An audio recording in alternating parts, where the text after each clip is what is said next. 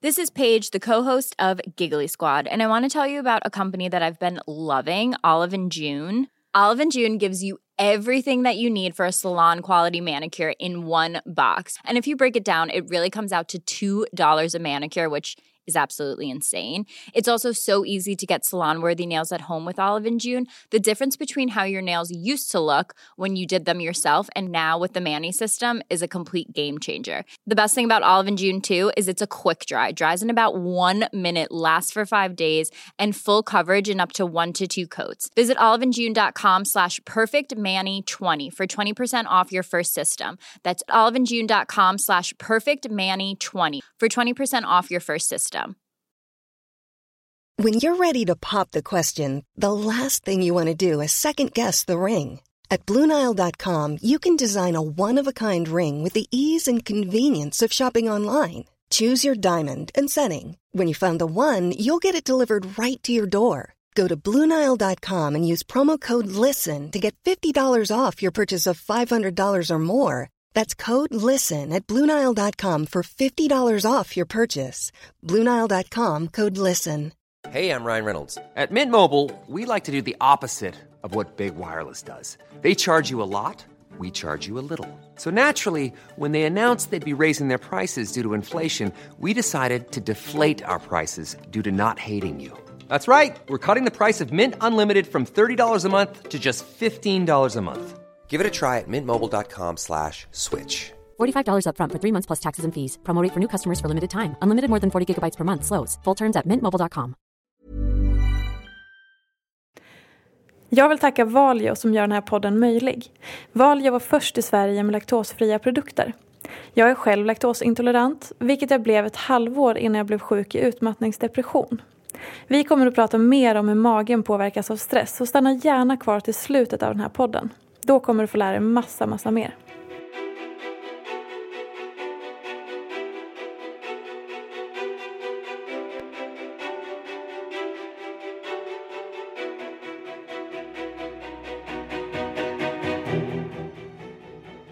Paula Uribe, en ung kvinna som skriver en av Sveriges största mammabloggar.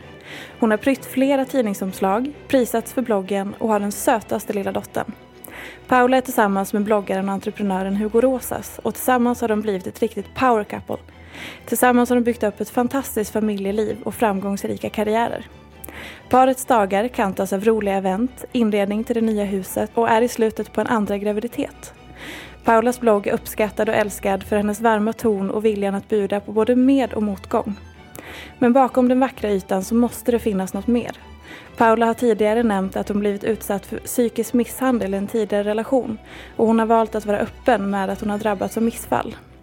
Paula kastades rakt in i bloggvärlden när hon blev kär i en av Sveriges största manliga bloggare. Hur hanterade hon det i början? Är det så glamoröst som det verkar att leva blogglivet? Var går gränsen mellan att vara personlig och privat? Vem är egentligen Paula Uribe? Jag önskar er varmt välkomna till podcasten Ofiltrerat med mig, Sofia Peterfia Sjöström. Hej Paula. Hej. Vill du vara snäll och berätta om din verklighet? Om min verklighet? Eh, min verklighet skulle jag säga ser ut som eh, många, många, många, många, många, många andra småbarnsföräldrars. För att bara för att man har en blogg så spelar det, det gör ingenting med det här med vakna nätter, sjukdomar, förskolor, vardagspussel. När man lever tillsammans med någon som har mycket bollar i luften så blir det att man hela tiden måste hitta sätt att kompromissa, hitta sätt att båda ska få plats. Eh, jag har studerat fram tills för ungefär en månad sedan. Då tog jag mitt studieuppehåll i och med den här graviditeten. Det var en praktik som kom och krockade så att jag kunde liksom inte fortsätta. Mm. Så vi har verkligen eh, bollat senaste året med att få en vardag att gå ihop. Och eh, det har funkat jättebra. Vi har verkligen kämpat och vi har fått ihop det och vi känner att vi inte har glömt bort varandra eller vår dotter. Men eh, sen så lever vi i en verklighet som jag skulle säga är snarlik alla andras. En verklighet som jag hade levt oavsett om jag hade en blogg eller inte. För att jag är kanske den här klassiska mamman som vill vara där jämt för mitt barn. Jag eh, ser till att ha mina deadlines klara för att kunna komma hämta henne lite tidigare på förskolan. För att jag tycker, jag värderar sånt. Det är viktigt för mig att känna att vi är tillsammans. Därefter, vi har tagit ett beslut, både jag och Hugo, om att inte blogga på helger också. För att behålla lite av det, av det vanliga och det verkliga. Och att då är hon hemma. Då tycker inte jag att man ska hålla på, ja men att hon ska hålla på och konkurrera om uppmärksamhet för oss för att vi sitter med våra datorer eller för att vi sitter med mejlen eller att man sitter med mobilen och liksom jobbar. Det, det tycker inte jag är schysst. Så vi har tagit några beslut för att det ska vara lite vanligt i vår familj. Det låter väldigt sunt. Ja. Och någonting som man måste kanske göra nu när vi ständigt ska vara uppkopplade, många gånger privat men också framförallt i jobbet hela, hela tiden. Ja. Nej men det känner man ju. Det är nonstop. Det kan ringa, alltså ryska posten kan ringa mig typ så här vid 22, eller inte 22, 20. En budfirma En alltså. budfirma Ja. och höra, ja du Paula, jag har ett bud till dig här. Ja okej, ja jag, jag är tyvärr inte hemma liksom. Mm. Eh, det är hela tiden någonting. Och så har man den här jäkla vibrationen på telefonen när man får ett mail. Ja, det har den också. Ja, den jag- stängde jag av för flera år sedan för jag klarar Ja. inte det mer. Och jag vet inte hur man gör det. Så Nej, jag kan hjälpa dig Ja, sen. För att det är liksom hela tiden blir så här drrrt, och bara men gud, ja, ja, ja. Då blir man lite stressad också. Ja, och så är det bara massa ny information och så Ah. kanske man inte orkar ta tag i det direkt eller Nej, svara men på en inte gång. på kvällen heller när man är liksom kommer ner lite i varv och liksom ska försöka. Då blir man stressad av något annat. Och senast igår hade jag och Hugo en sån. Vi pratade om hur lätt det är att komma efter en dag om man är sjuk eller en dag om man har liksom en inspelning från förmiddag till eftermiddag. Alltså då känner man sig psykiskt stressad. Då är det gud nu har inte jag tagit tag i det här. Men det måste vänta för att vi måste ju faktiskt gå hem. Vi måste ju hem och laga middag. Vi måste hem och bada. Vi måste få henne i säng. Och då är klockan liksom sju. Och då har man effektiv tid på fyra, tre timmar på att göra det här som man har missat. Men det blir så absurt. För att vem arbetar effektivt vid 21? Nej. Det, det gör man ju liksom vid 11-12 i ett arbete. Men det finns inte. Det finns inte de här riktlinjerna för alltså 8 till 4 om man på något sätt ska försöka ha en vanlig dag. Och ni kan ju heller aldrig kompromissa i att så här, ah, ja, men jag jobbar över lite idag eller vi, jag bara sitter över och gör lite det här och det här. För att ni har ju någon som väntar på er på Precis. förskolan och ni har ett ansvar att ta hand om, ta hem ert barn. Ja men precis. Men, Så ni är ju väldigt eh, inrutade på ett sätt för att man har det stora, stora ansvaret. Ja, men och just det, det är ju hela tiden att man har en deadline där vid 15-16. Det är då, då, då ska hon hämtas. Eh, och jag och Hugo lever nog både så för att vi ska kunna ha fungerande dagar i och med att jag liksom har gått i skolan med seminarium och alltså, föreläsningar. Jag kan inte sitta och jobba då så att då offrar vi egentligen alla våra kvällar. Så att man sitter en dag innan och skriver god morgon, eh, hoppas att ni har sovit gott. Men det här sitter jag och skriver liksom en tisdag kväll. Ja, och så tidsinställer. Så tidsinställer man allting. Och likaså Hugo elitsatsar på sin crossfit-träning och eh, behöver träna fem timmar om dagen. Det är i hans programmering. Så att han sitter ju också och skriver kvällen innan. Men det tar ju faktiskt, alltså också igår så bara jag och Hugo kramade om varandra och bara fan, det är jobbigt nu att alltså vi, vi offrar så mycket tid av varandra. Och därför blir helgen också extremt viktiga för oss. För att det är också Paula Hugo time. För att vill vi ha det här, vill vi att det ska fungera, vill vi kunna ha våra fria dagar eller så, att man ändå, då är det kvällarna som offras. Och det är inte alltid kul att sitta fyra, fem kvällar i rad och egentligen inte prata med varandra utan bara sitta med datorerna och kanske ja men fem minuter, vad skriver du om, du vet vad som hände mig idag. Det blir väldigt så att det, det tar viktig tid från varandra. Men det, vi har valt det här och eh, vi tycker att det är kul.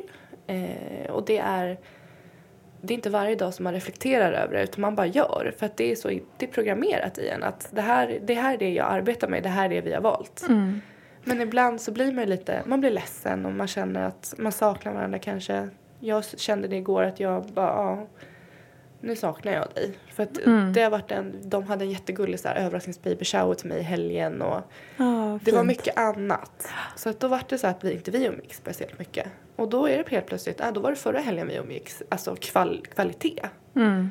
Och då blir det att man, ja, i, någon gång i vardagen kan känna att vad skönt det hade varit att inte ha det här. Bara kunna ligga på soffan som vanliga människor gör eller folk som har ett vanligt jobb. Ja, för jag tänker, eh, när jag läste upp, efter att jag hade läst upp inledningen, Mm. och det är ju sånt som jag har fått fram och liksom dragit ihop eh, Ja. efter, ut efter det jag har googlat om dig, läst om dig, känner till sen tidigare och så. Mm. Och där så sa jag ju just det här att eh, tillsammans, era dagar kantas av roliga event och det händer saker och det är liksom speciella saker, omslag och pris och blogg och sånt. Och sen så säger du det första att vi lever ett vanligt familjeliv och det är inte så stor skillnad.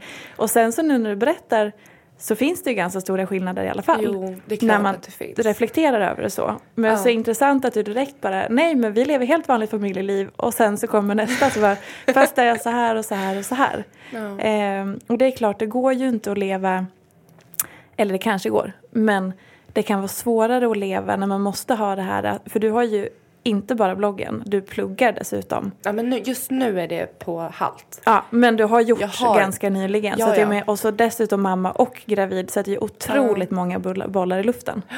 Men det är på något sätt så, för mig funkar det väldigt bra när det är mycket. När jag hade, I våras hade jag en svintuff anatomitenta. Det var liksom superakademiskt språk och du ska lära dig allt ifrån cellen till ja, men hur, hur, hjärn, hur hjärnan fungerar. Att du ska lära dig allting. Och då var det, aha okej, för att klara det här så skräms i skolan såklart med att ja, det är bara 20% som klarar det. Och då visste jag att ja, jag måste verkligen naila den här på första gången. För att om inte jag nailar den, då kommer jag kvar den i höst. Och i höst så kommer ingen av mina klasskamrater läsa det här och då kommer jag bli omotiverad och inte klara det.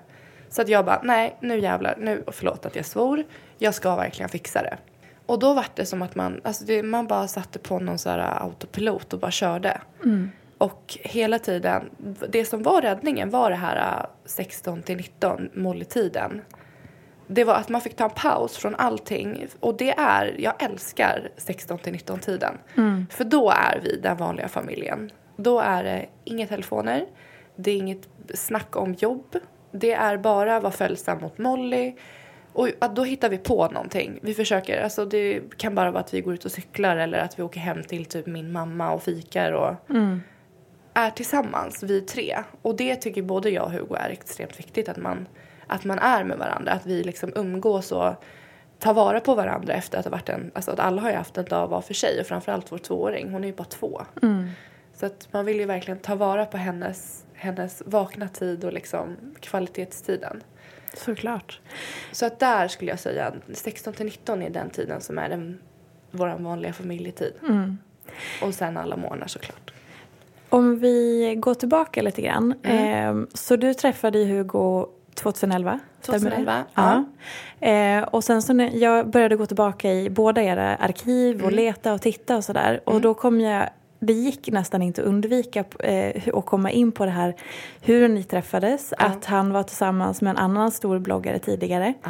Eh, och att det var ganska mycket som jag uppfattade så här jag vill inte använda det här tråkiga ordet bloggkrig, men att det var ganska liksom, för jag, som jag förstod det så var du helt utanför bloggvärlden innan du träffade Hugo.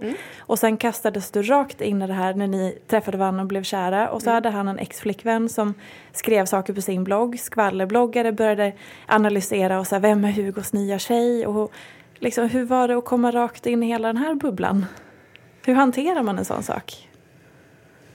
Gud, det var så länge sedan. Ja. Eh, nej men, eh, jag, jag var ju kär i Hugo. Vi hade ju så extremt kul ihop. Det kändes ju nästan... Det tog liksom en vecka att vara i hans liv och det kändes som att han hade varit där för evigt. Vi liksom klickade så bra. Vi blev, vi blev... I och med att vi var i Argentina så var vi ju fast med varandra en och en halv vecka. Det var så länge vi skulle vara där. Och då var det ganska... Det var inte så mycket... Det var, det var inte så mycket krav utan vi bara var tvungna att vara med varandra dygnet runt tillsammans med produktionsteamet och alla andra. Vad gjorde ni där?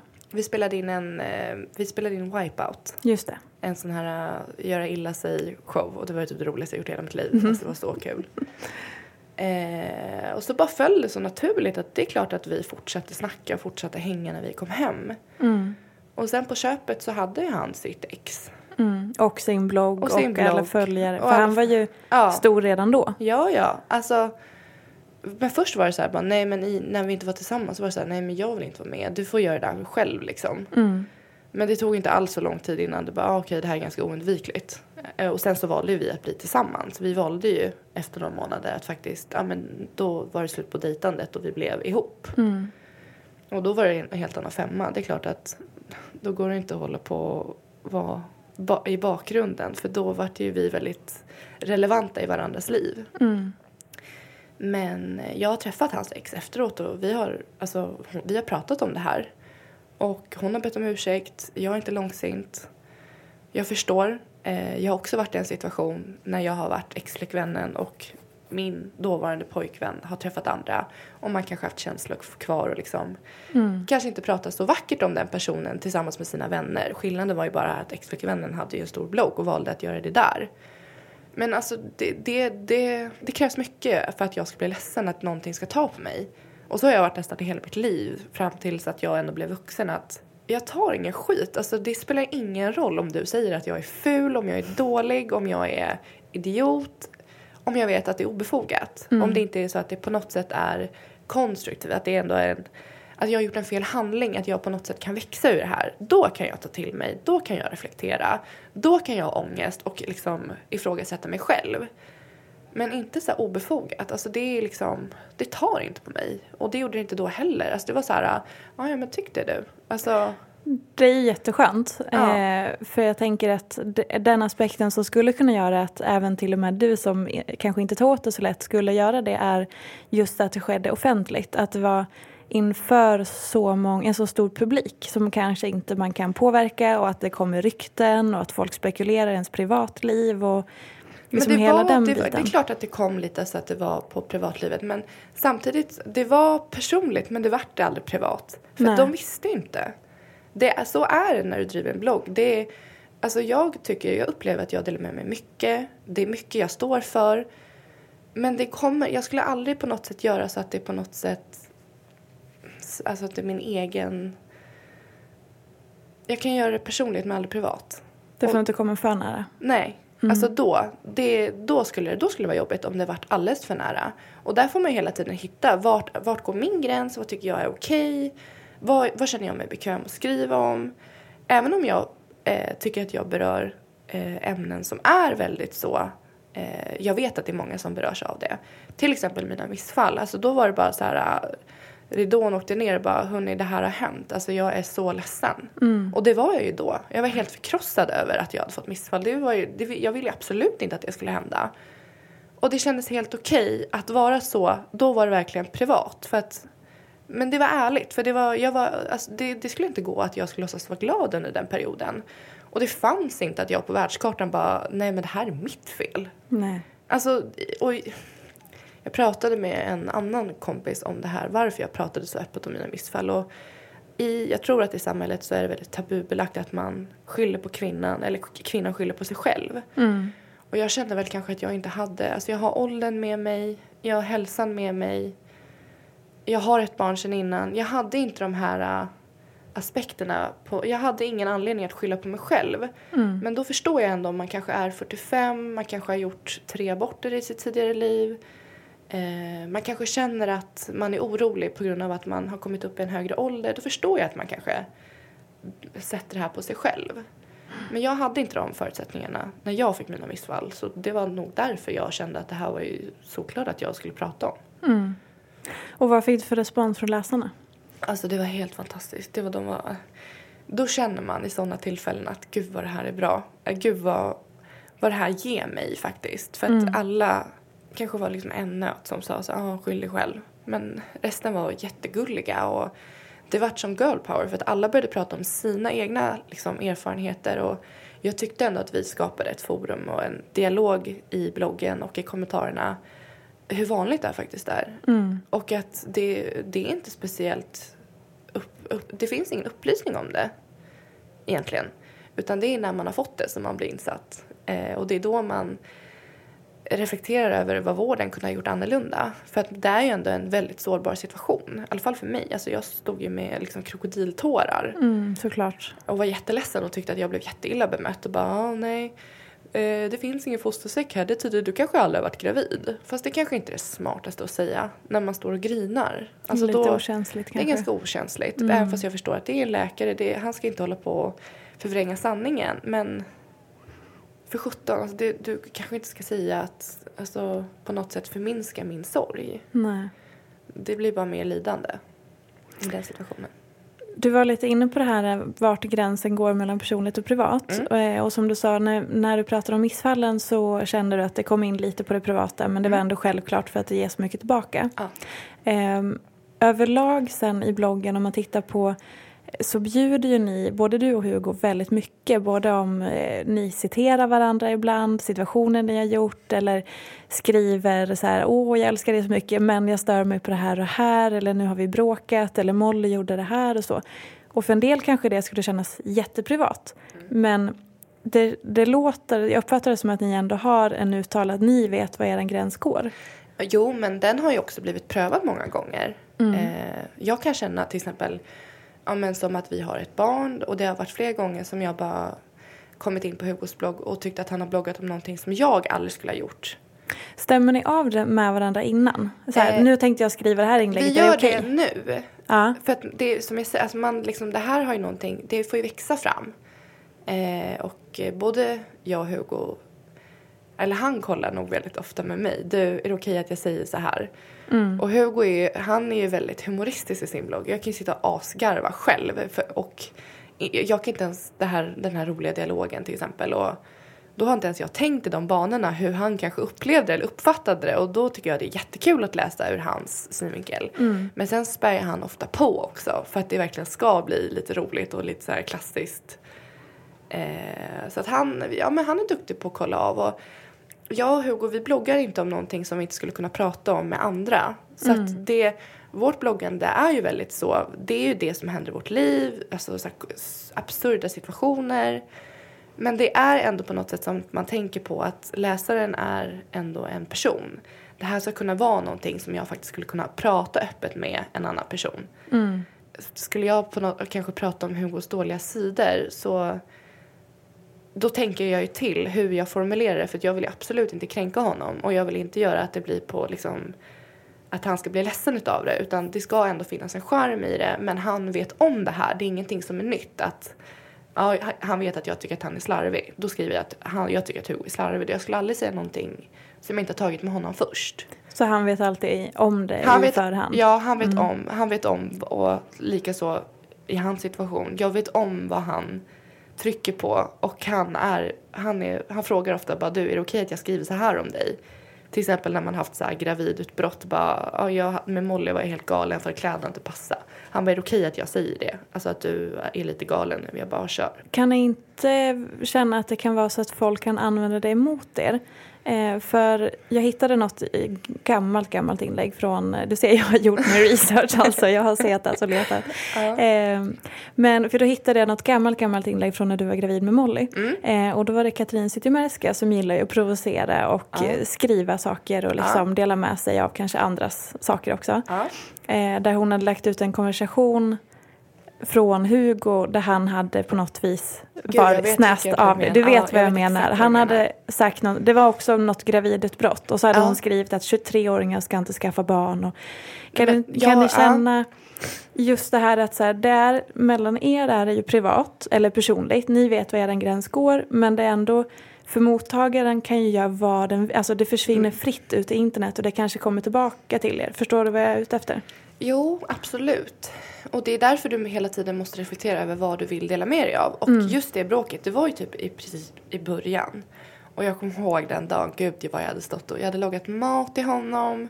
Jag hade verkligen gjort mig till och så här skulle överraska honom. Och så sa han att han skulle komma hem en viss tid och då har jag det som min deadline.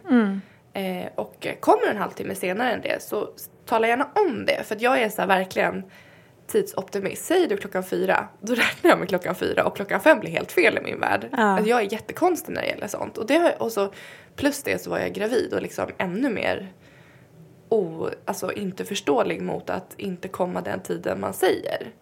Så tick, alltså klockan tickar och han kommer inte. Jag bara, men vart är du någonstans? Han bara, men jag, jag måste sitta kvar på kontoret och jobba. Ja, och då var det så här, okej, ja, men då kan väl du dra åt helvete för att här har jag stått och lagat mat hela dagen. Så här vanligt utbrott. Eh, och han snäste av och gick ut med det här i bloggen. Och jag kommer, det här var nog det första som jag tyckte så här, Hugo, det här är inte okej. För jag är ledsen. Jag känner att jag har gjort mig till. Jag blev ledsen över att du inte kom. Och eh, då kan du absolut inte blogga om det när vi inte är sams än. Just det. För han Fast- skrev det på en gång? Ja, precis. Liksom Ah. så här, ja, nu kolla, nu har jag en, en häxa till flickvän här. Och så var det typ våran fula, alltså våra sms som inte var snälla mot varandra. Jag tror att jag skrev typ så här, du kan ju sova på kontoret då, du behöver inte komma hem typ. Jag tänker spontant att i och med att det här var ju, ni hade inte varit tillsammans så länge. Vi hade inte varit tillsammans så länge.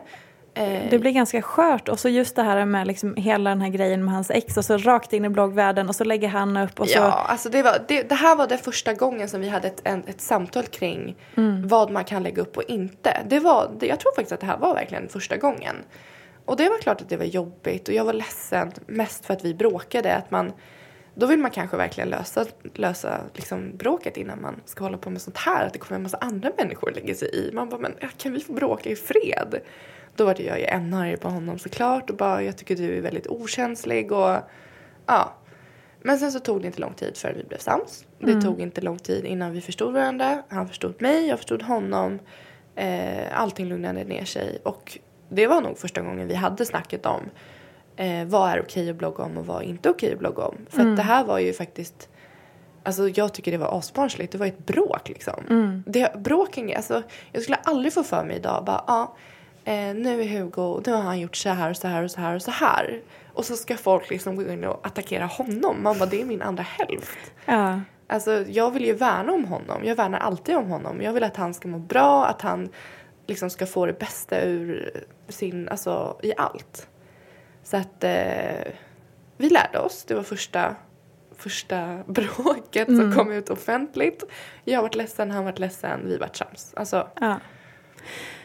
Och hur, eh, om, om vi ändå spinner vidare på just det här med att det finns ett barn med i bilden och snart en liten bebis till. Eh, hur lång tid är det kvar förresten i graviditeten nu? jag går in i vecka 37 imorgon. Så att, spännande. ja, det är verkligen så här väntanstider. Jag förstår det. Jag är så glad över att du kom hit utan att ha fött. Ja. så vi klarade av den här inspelningen Ja, innan. verkligen. Men hur tänker ni där kring liksom hur mycket ni visar barnen och sådana saker? För jag såg att ehm, eh, Ja. Hugo hade lagt ut någon, någon bild när Molly står och dansar lite grann och sådär, näck antar jag, men han hade ändå så här Ja, det. swirlat Blurrat. rumpan, Ja, eh, så här, ja. blurrat så Ja. att inte... Och det kändes så här, så ja men det känns ju väldigt sunt och, Ja. Mm. och så, men eh, men hur tänker ni kring, liksom, för hon, expo- hon är ju som en egen liten liksom, karaktär i bloggarna. Och eh, Hugo älskar ju att filma henne. Alltså han tycker Mm. det är så kul. Han älskar, Molly är en riktig så här show-off. Hon är en clown, hon är världens roligaste, så här charmig. Stenhård är hon. Alltså hon kan gå in i en vägg och bara alltså, gå helt oberörd. Alltså kan gå ut med en blå tira. Alltså hon är så häftig och modig och orädd och jag verkligen beundrar henne. Men för mig faller det inte naturligt att filma henne. För att det, för mig, jag är nog mycket mer medveten om hur jag bloggar. Och när hon var liten så tyckte jag att nej men alltså det, det är ganska, att det, inte, det ska absolut aldrig vara kränkande gentemot henne. Och det var ganska, jag tyckte det var oskyldigt. Men sen har jag haft de här liksom, diskussionerna med Hugo. Bara, du, eh, när hon börjar prata, om hon säger nej, vad gör vi då? När ska du och jag liksom ta ett steg tillbaka? När är det inte okej längre? Jag kan blogga, prata om henne. Till exempel, vi har börjat eh, blöjträna. Men jag kanske inte skulle gå in så här djupgående på vad det är som händer då. Jag hade sån här åtta, års, eller åtta månaders kontroll. Liksom, vad kan Molly göra nu? Och det slutade jag också med. Det, det kommer ganska naturligt någon gång när det är att man tar lite avstånd. Eh, samtidigt som jag tycker att jag, jag tycker det är helt okej att publicera liksom, en fin sommarbild på henne. Jag tycker inte att det känns så här äh, att jag på något sätt inte värnar om henne som liksom, hon är ändå mitt barn. Men bloggen är ju ändå, den ska ju handla om eh, oss och vårt familjeliv och hon är ju en del utav det. Men det har blivit mycket mindre av henne i min blogg. Att jag medvetet tar lite avstånd och låter henne vara och är följsam gentemot henne. Eh, jag skriver om vad vi gör Och självklart, har vi kanske en rolig dag på Skansen, det är klart att jag kan ta en bild på oss. Men det är inte liksom det primära längre. Det är inte viktigt att liksom göra så.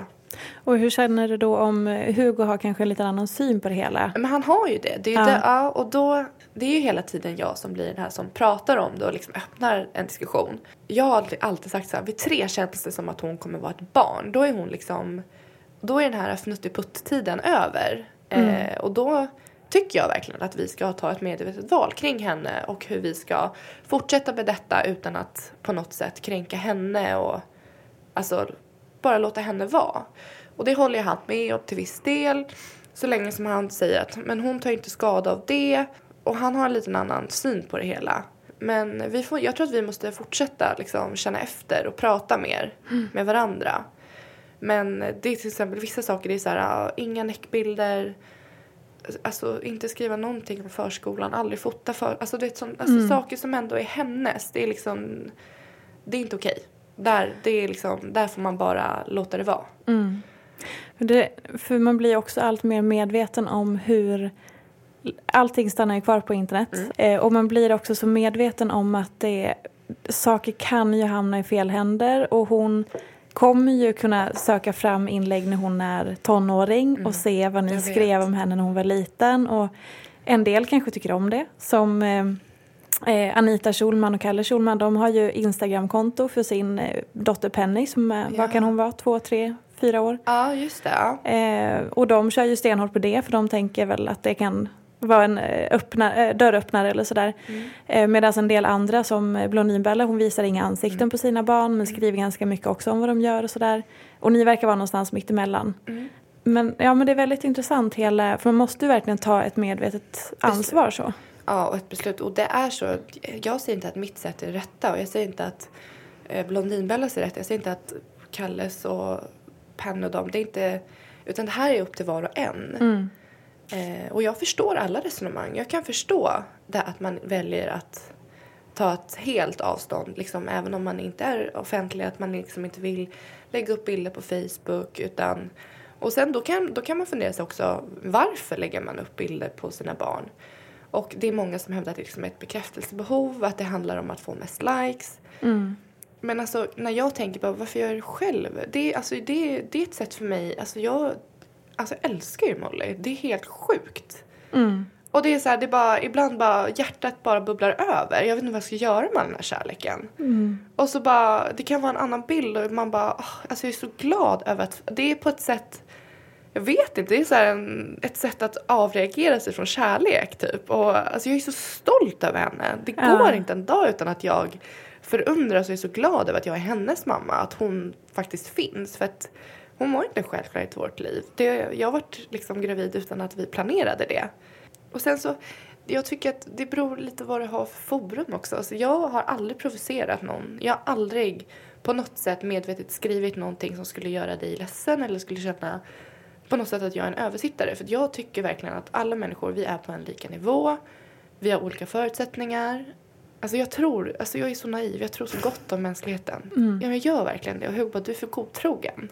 Jag bara, ah fan, jag måste bli mer, jag måste bli kritisk. men jag är Jag har så. lite samma problem. Min kille Ja. är otroligt, han är realistisk och Ja. väldigt sådär eh, tror nästan det värsta om folk Ja. tills de har bevisat Bevisat motsatsen. motsatsen. Och jag är helt tvärtom och har varit så blåögd hela livet. Ja, Och så blir man så besviken när man inser att nej, världen är inte så bra som jag vill att den ska vara. Faktiskt. Och alla människor tänker inte så gott som jag trodde att de gjorde. Jag vet. Och så kan jag också känna att det ibland blir att ja, jag kanske är lite för godtrogen. Och jag tycker att det är, jag tycker allt är fint. Alltså, men sen så, då förstår jag till exempel andra om, om man liksom får ett hat emot sig, för att jag upplever aldrig ett hat. Jag, det är liksom, det kommer alltid finnas de som väljer att miss, alltså missbedöma det man säger. Det kommer alltid finnas de som tycker att jag gör fel oavsett vad jag än gör. Och det rör inte mig i ryggen. Men eh, jag vet till exempel att Desi, hon valde ju att dela med sig med sin son. Och sen tog ett annat beslut utifrån den responsen hon fick. Och då förstår jag det, att om det är så att hennes läsare på något sätt gör att hon tänker om, att det händer någonting, att det inte blir en positiv, att det inte blir att hon mår bra. Det är klart att då får man ju tänka om.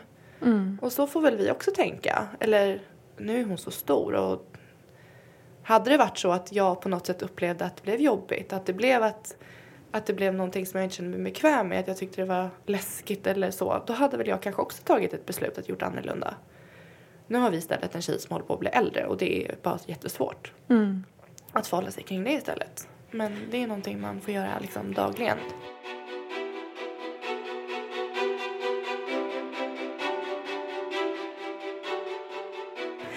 Om vi ska gå lite grann till dig. Eh, så eh, ibland när man läser eh, bloggen och så skymtar man att det finns eh, prestationsångest. Eller eh, liksom en strävan över att vilja göra rätt för sig och vara en god medmänniska. Och Hugo har flera gånger beskrivit dig som en väldigt varm och fantastisk person som har gjort honom till en bättre människa och så. Men om man tittar på dig, skulle du beskriva det som att du är en duktig flicka? Och vad, eller hur, vad känner du, vad har du för krav på dig? Vad, vad är det som ju- får dig att vilja vara så bra? Nej, men jag har nog, jag har, jag har höga krav. Jag är min största kritiker. Alltså det är sällan som jag kan känna, alltså ge mig själv att det varit bra. Fast det blir oftast bra. Eh, jag vet inte hur man gör saker halvdant. Är det allt eller inget? Ja, det är allt eller inget. Och sen så, i och med att jag, som jag sa förut, att när jag har många bollar i luften så blir det bäst. När det inte händer någonting. Alltså jag blir så uttråkad. Jag blir så här, men gud, typ får, tycker inte att livet är roligt. Jag behöver, alltså jag behöver projekt att se fram emot.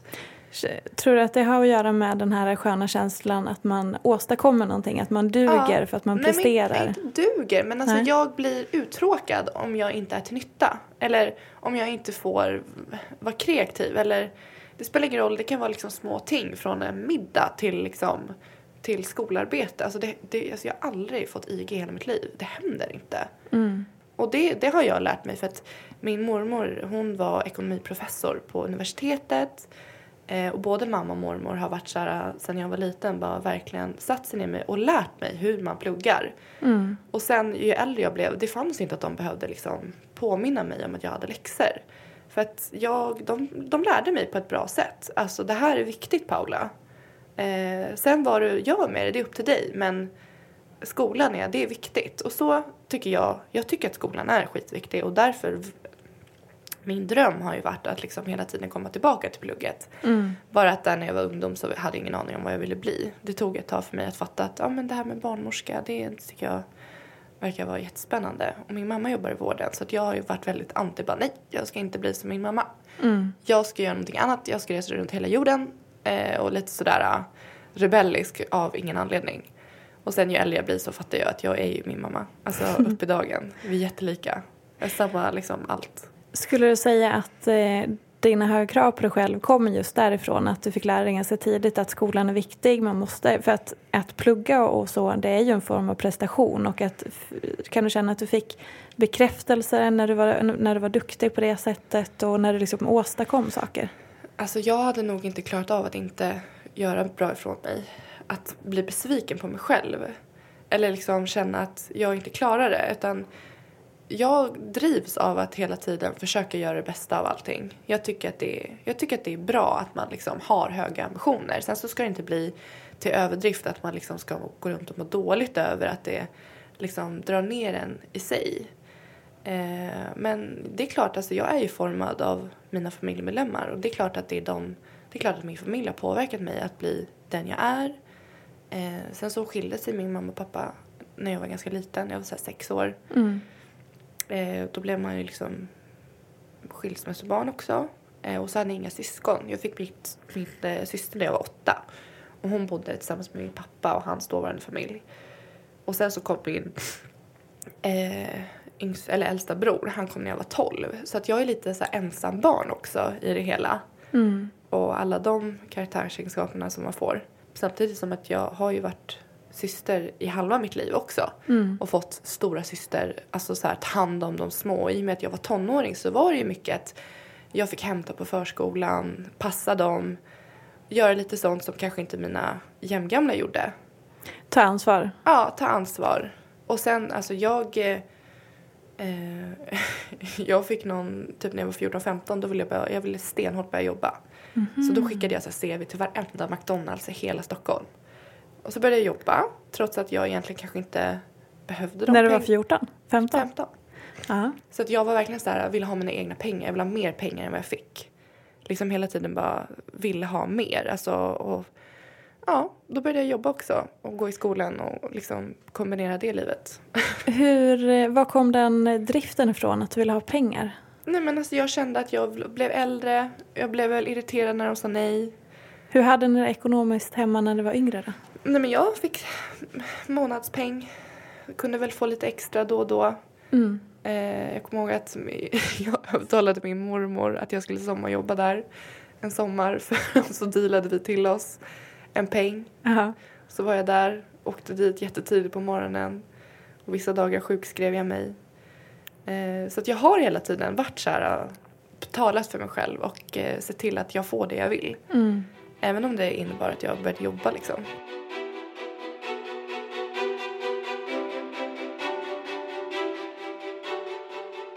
Jag tänker att eh, bilden av bloggare överlag, Mm. Nu ska vi säga kanske den något eh, förlegade bilden, men de som fortfarande inte har så mycket kunskap kring bloggare och bloggvärlden, de beskriver det ju ofta som att äh, men det är några unga tjejer som sitter och skriver lite vad de har på sig och så får de massa pengar på kontot. Mm. Hur skulle du eh, förklara den delen kring idag? Hur tjänar man pengar som bloggare? Jag känner verkligen igen det du sa för att jag satt inte för så länge sedan och nästan kände att jag behövde hävda mig. Eh, för att det, då var det en, en, en farbror som har arbetat med marknadsföring på ett helt annat sätt. Mm. Och det är helt förståeligt. Eh, och väldigt skeptisk gentemot oss och den drivkraften som man har, alltså så, bloggar. Men hur hanterar du det? Du, kom, du, du vet precis så här, det här gör jag, så här samarbetar jag, det här levererar jag, det här är mitt jobb. Ja. Det är en stor del, bloggen är en stor del i det här. Ja. Och så möter du en sån person, en, nu generaliserar jag, men en gammal gubbe som, Ja. som har jobbat på ett Ja. annat sätt hela sitt yrke, yrkesverksamma liv. Ja. Och så ser han ner lite grann på dig och tänker, vad fan ska du kunna göra för mig lilla? Precis. Ja, Gud, vad hemskt. Nej men det är så. Och, men där, jag, eh, den här farbrorn då, Mm. eh, som var så skeptisk, skickade ett mail efter då när vi hade gjort det som vi skulle göra. Och det här mejlet var så fint. Och Mhm. bara, ja men det var så bra mejl. Och alla, för att jag, vi jobbar tillsammans, jag, Hugo, eh, jag bloggar på Vi med barn. Och det är Hugo som har haft den sajten tillsammans med My Showroom och eh, My Fit Body. Och han sålde alla de här sajterna i somras till Loppi. Mm. Så att idag är vi ett mycket större nätverk och eh, i och med att vi sålde till Loppi så har jag liksom, du vet, ja men nästan typ, jag har ju min privata mail kvar. Mm. Men allting går ju via Loppi. Så jag har ju liksom säljteam och du vet, de är så driftiga och verkligen tror på mig och är jättepeppande. Så att jag eh, är jätteglad över att vi är tillsammans med dem nu. Men eh, då var det ett gemensamt mejl till alla på Loppi och till oss från den här farbrorn. Där han eh, i princip hyllade oss och var jättetacksam. Och vart Häftigt. övertygad. Och då de bara, det är så stort att det här kom från honom. För gud vad han satt där och muttrade när det här var att vi skulle sälja in det här med alltså att Hugo och Paula kan hjälpa till på ett visst sätt. Mm. Så att jag, alltså, jag har ju inte så mycket den privata kontakten så med den, så det du förklarade. Mm. Men jag tycker att det är kul när man kan, eh, när man kan visa att det kan bli bra i alla fall. Och om vi går tillbaka till, eh, till eh, liksom inkomst, hur får man inkomst på sin blogg? Är det bara att sitta och skriva och tjäna massa pengar? Nej, alltså allting handlar ju om eh, dels jag hade ju så här när jag började blogga att jag bara var tvungen att komma in i, komma upp i viss trafik. Mm. Allting handlade om att få trafik. Eh, och för att få trafik så behöver ju du lägga ner ett jobb i det här. Det är ju inte bara att göra lite strö. Utan det gäller att det, det, det här måste, det måste ha ett schema kring hur du arbetar. Eh, och jag brukar faktiskt, jag har liksom ungefär samma struktur varje dag. Det är ett god morgon, hoppas du har sovit gott, berättar om dagen. Jag har, brukar försöka ha ett längre inlägg där det är typ en fråga eller en tanke. Någonting som är relevant i mitt liv. Och sen så brukar det vara, jag älskar liksom att visa det jag köper. Alltså inredning, to die for. Alltså det, det är kul att visa sånt och det är liksom inte svårt för mig att hela tiden se till att ha kameran i handen, liksom fota det som är relevant. Eh, och sen så brukar jag ha, jag brukar köpa en sån här TBT. Alltså det är ungefär, ungefär varje dag bloggar jag om samma saker fast det är olika texter och innebörder. Just det. Och den har jag hållit sedan jag började. Så du har en mall kan man Jag säga? har en färdig mall som jag arbetar ifrån. Eh, och det är den jag, ibland kan det komma något utvecklande. Och det är ju hela tiden, man har ju öronen på spets. Det kan ju vara att jag eh, sitter och snackar med mina kompisar om någonting. Eller att jag läser någonting i tidningen. Att jag var hem mamma och bara, men gud det här. Ny metod, vad tycker jag om den? Eh, alltså maten, vad vi äter, eh, boken jag har läst.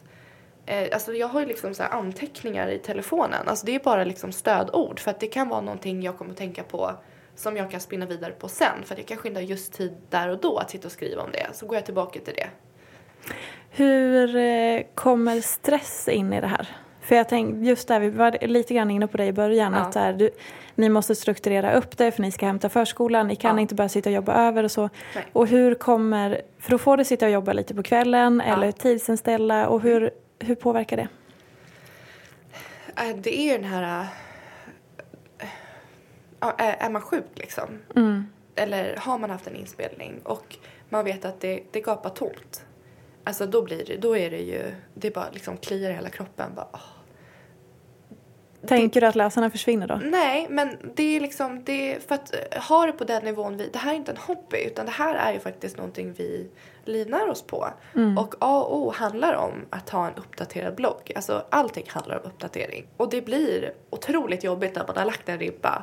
Man, alltså det, den väljer ju du själv. Alltså har du ett inlägg om dagen, då är ju det din ribba. Har du ett inlägg, eller fyra inlägg om dagen, då blir det din ribba. Och jag har försökt pendla att ha alltid mellan fem till tre beroende på hur jag mår, vad jag gör. Eh, att det ändå är så här följsamt gentemot mig. Och när man inte håller sin ribba, alltså då känns det, det känns inte bra. Det blir som, alltså samma sak, det finns ju inte att bara, nej men hörni, nu tar vi fyra veckors semester här, vi hörs sen. Det har aldrig hänt. Eh, man kan göra sig själv en tjänst att liksom tidsinställa. Men jag har inte den förmågan att tidsinställa liksom veckor. Utan det, det kan handla om en dag.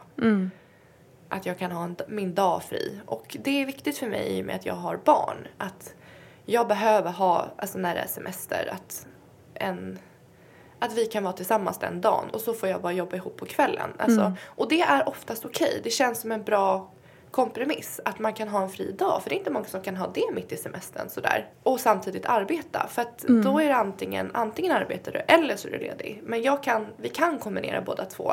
Och vi har privilegier att kunna bestämma mycket själv.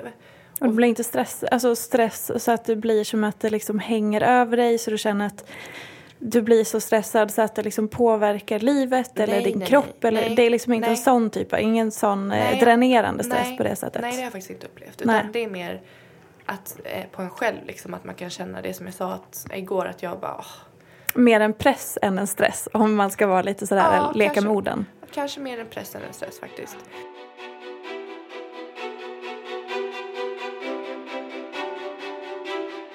Vi var lite grann tidigare inne på just det här med att berätta om, du kände att det var självklart att berätta om, om missfallen i bloggen. Eh, och det är ju ändå en väldigt privat sak som du ändå har nämnt och vi har varit inne lite grann på det här att privata saker det har snuddat på det ibland eh, för er.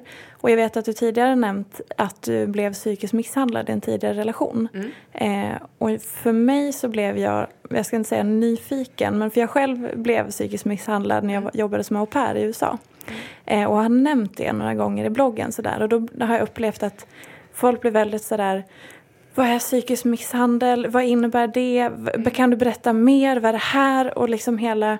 Men jag har inte riktigt känt att jag har velat gå in på det så mycket. Nej. Då gör jag likadant. Ja, men du har ändå nämnt det sådär. Så jag Jo. började tänka så här, vad... Alltså nu, det här var ju så himla länge sedan. Det var ju i min relation innan Hugo. Mm. Hur Och- gammal var du då? Eh, alltså det var ju under egentligen hela, jag tror vi träffades när jag var 15.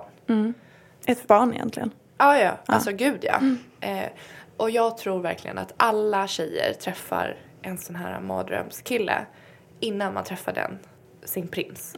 För att jag känner att det är liksom, jag är inte ensam om det här i mitt kompisgäng. Alla har träffat den här typen av människa som gör att man bara mår dåligt och inte alls är i sitt fulla bruk eller liksom man är en vissen blomma liksom. Men eh, en vissen blomma och psykisk misshandel kan jag känna är ganska stor skillnad på. Eller liksom att det är ganska så brett spann. Att det går från att man mår lite dåligt eller träffar någon som är sådär taskig eller någon kille man inte riktigt har det till. Till att det faktiskt blir någonting mycket allvarligare så. Alltså det, jag kommer inte prata med dig om det här. Nej. Det är så här, det är d- d- lite så det här du vet när man pratar om det privata och det, Mm. och det personliga. Och det här är, det är så länge sedan. Mm. Och eh, jag önskar verkligen inte ens min värsta mardröm. Den, så som jag mådde under en viss period tack vare den här personen. Eh, men jag känner verkligen att det ligger bakom mig. Eh, jag är fine med det idag Mm. på något sätt kanske jag även känner att jag är typ förlåtit honom för det också. Men eh, alltså det är så, det här är så begravt för länge sedan för mig. Och det är inte ens någonting jag tänker på längre. Nej. Jätteskönt. Ja, Men vi kan komma överens om att bara för att förtydliga för alla som är sådär om så här, jag mår lite dåligt eller jag har haft en kille som är så här när det kommer till psykisk misshandel så är det ju någonting annat än Ja. det här vanliga tonårs... ja, ja. Att man är liksom, det är en stormig Det- relation eller nej, liksom, nej, nej, det är ju på en helt annan nivå. Precis. Ehm, nej men och det, har du upplevt att folk har försökt gräva i det här? Nej, jag tycker att folk Nej. låter det vara. Mm. Och, men det tror jag att för att jag är ganska så markerande. Att det, är så här, det, här, det här låter vi vara. Eh, och det är, så, det är så måste man ju ha. Det är en överlevnadsinstinkt som man har.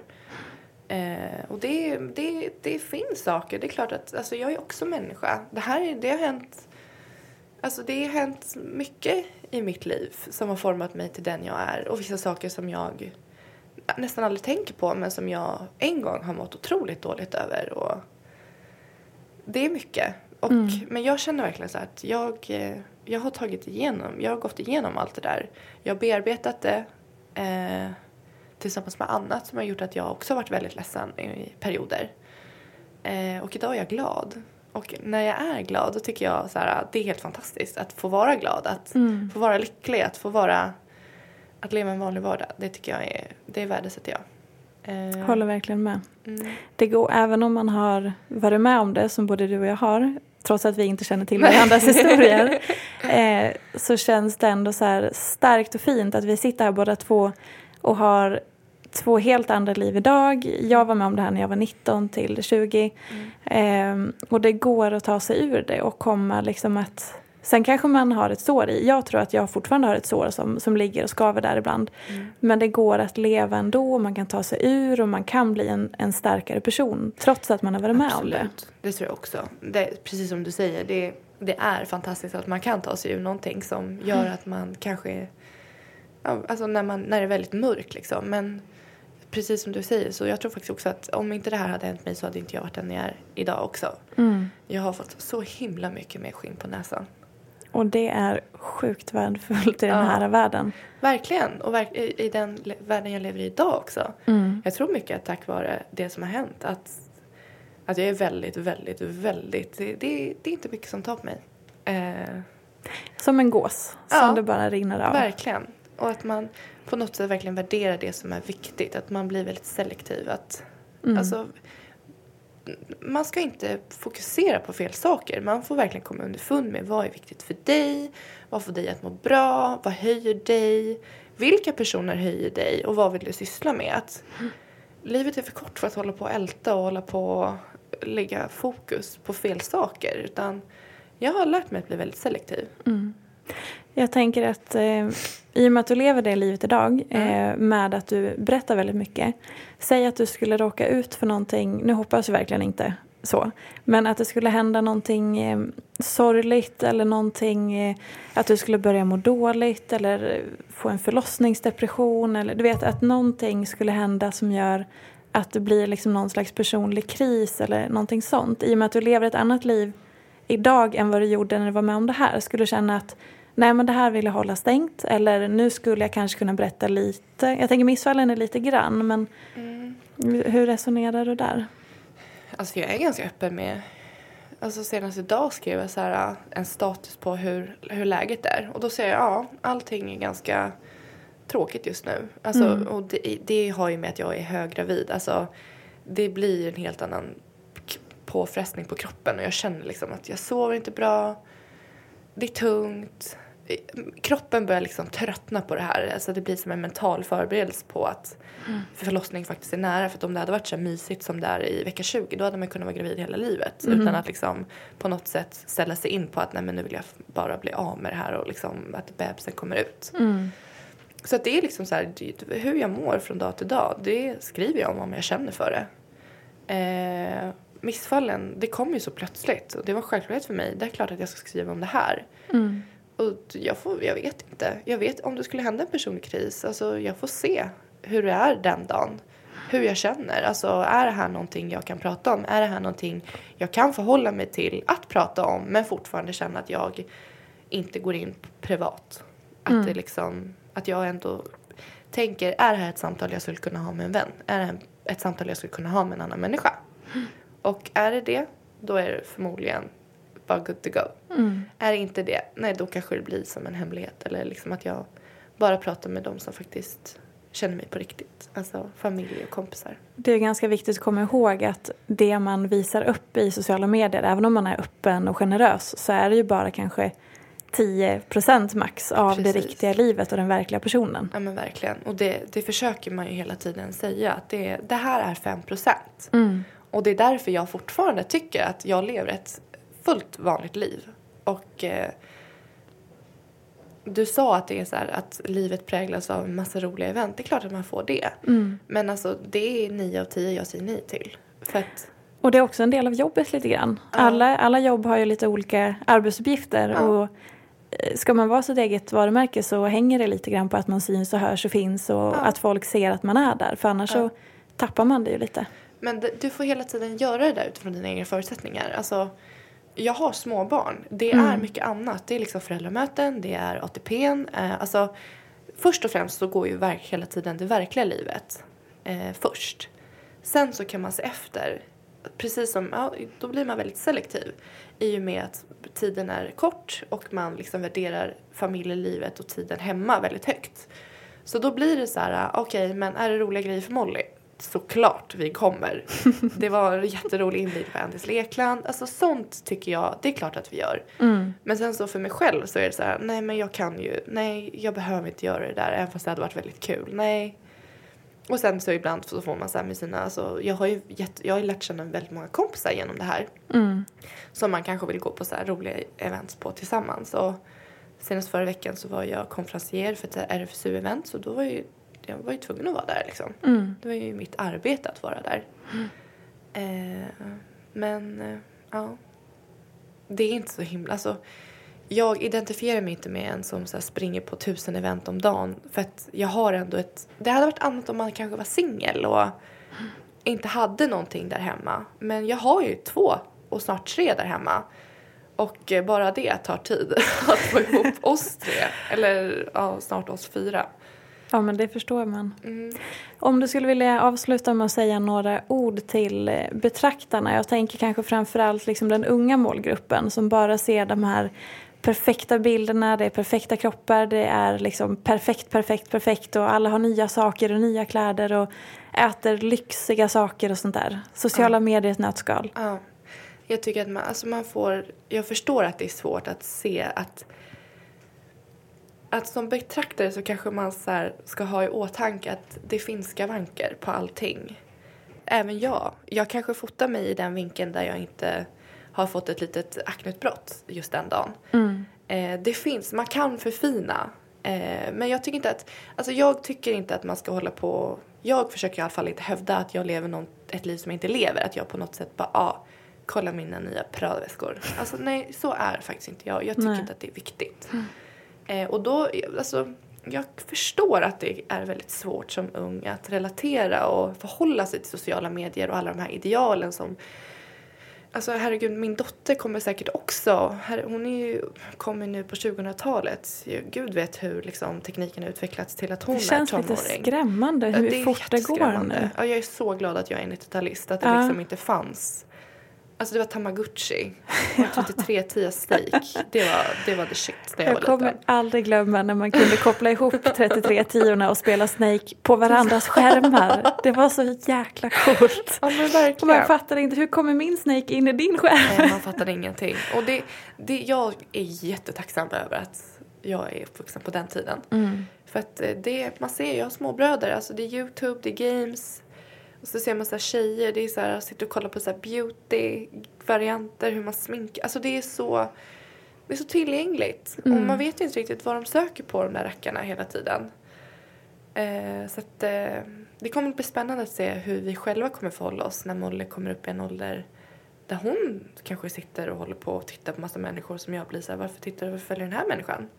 Och det kanske blir så extremt naturligt för henne för att hon lever ju med er som, som jobbar med det här. Precis, och Det så ska kanske också- hon blir väldigt motsägelsefull som vi säger, nej det här får du inte göra. Men Ja. det har ju ni gjort.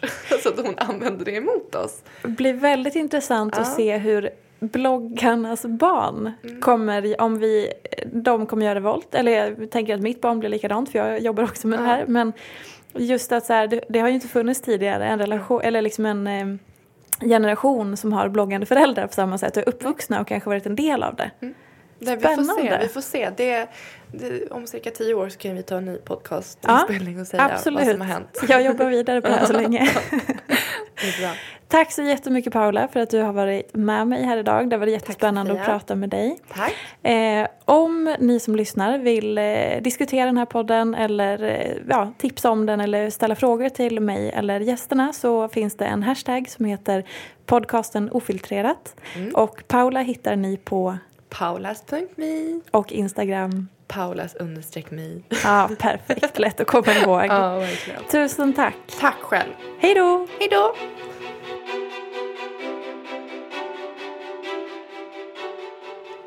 Något som jag ofta funderar på är eh, hur det kommer sig att en del människor tål laktos och är helt oberörda medan andra faktiskt inte klarar av det alls. Jag pratade med Valio som är vår huvudsponsor och de säger så här. Den som är laktosintolerant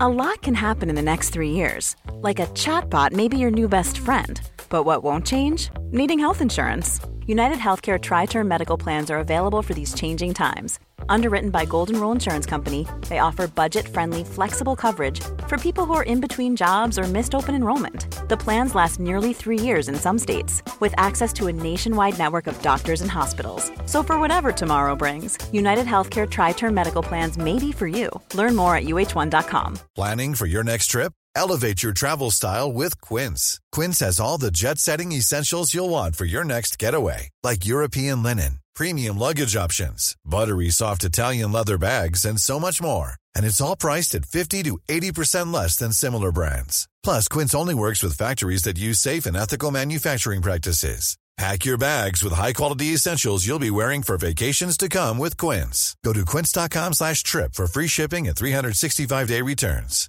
Hey, it's Paige DeSorbo from Giggly Squad. High quality fashion without the price tag. Say hello to Quince. I'm snagging high-end essentials like cozy cashmere sweaters, sleek leather jackets, fine jewelry, and so much more. With Quince being 50 to 80% less than similar brands. And they partner with factories that prioritize safe, ethical, and responsible manufacturing. I love that. Luxury quality within reach. Go to quince.com slash style to get free shipping and 365 day returns on your next order.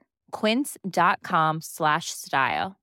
This is Paige, the co-host of Giggly Squad, and I want to tell you about a company that I've been loving, Olive and June. Olive and June gives you everything that you need for a salon quality manicure in one box. And if you break it down, it really comes out to $2 a manicure, which is absolutely insane. It's also so easy to get salon worthy nails at home with Olive and June. The difference between how your nails used to look when you did them yourself and now with the Manny system is a complete game changer. The best thing about Olive and June too is it's a quick dry. Dries in about one minute, lasts for five days, and full coverage in up to one to two coats. Visit oliveandjune.com slash perfectmanny20 for 20% off your first system. That's oliveandjune.com slash perfectmanny20 for 20% off your first system. Tål inte mjölksocker. Det är alltså laktosen. Eh, laktosen finns i all mjölk, både modersmjölk och mjölk från eh, kossor, bufflar, åsnor, getter och får. För att kroppen ska ha nytta av mjölksockret så måste det först brytas ner. Och det är det som inte riktigt fungerar när man är laktosintolerant. Då saknar man ett enzym som heter laktasenzym. Det finns vanligtvis i tarmen hos människan. Men den som är laktosintolerant saknar helt enkelt det här enzymet. Vill ni veta mer så gå in på valio.se och kolla deras magrapport. Där finns det massor med matnyttigt. Missa inte Alfons Åbergs nya hud och hårserie för barn. Produkterna är tillverkade i Sverige och dermatologiskt testade för känslig hud. Testa Alfons bubbliga badskum, Millas otrassliga balsam eller Hamids megamjuka hudkräm. De finns hos apoteket. Har du föräldrar som är oroade över vad du gör när du är på nätet? Eller är du en orolig förälder? Det finns en superbra podd som heter Ung på nätet som reder ut frågor och funderingar om ungas digitala liv och pratar om bland annat näthat och kärlek på internet. Podden görs av Halebop och Surfa Lugnt och finns på Acast. Jag vill rikta ett stort tack till produktionsbolaget Oh My som hjälper till att producera den här podden och geniet Emil Sjölin som klipper. Tusen tack!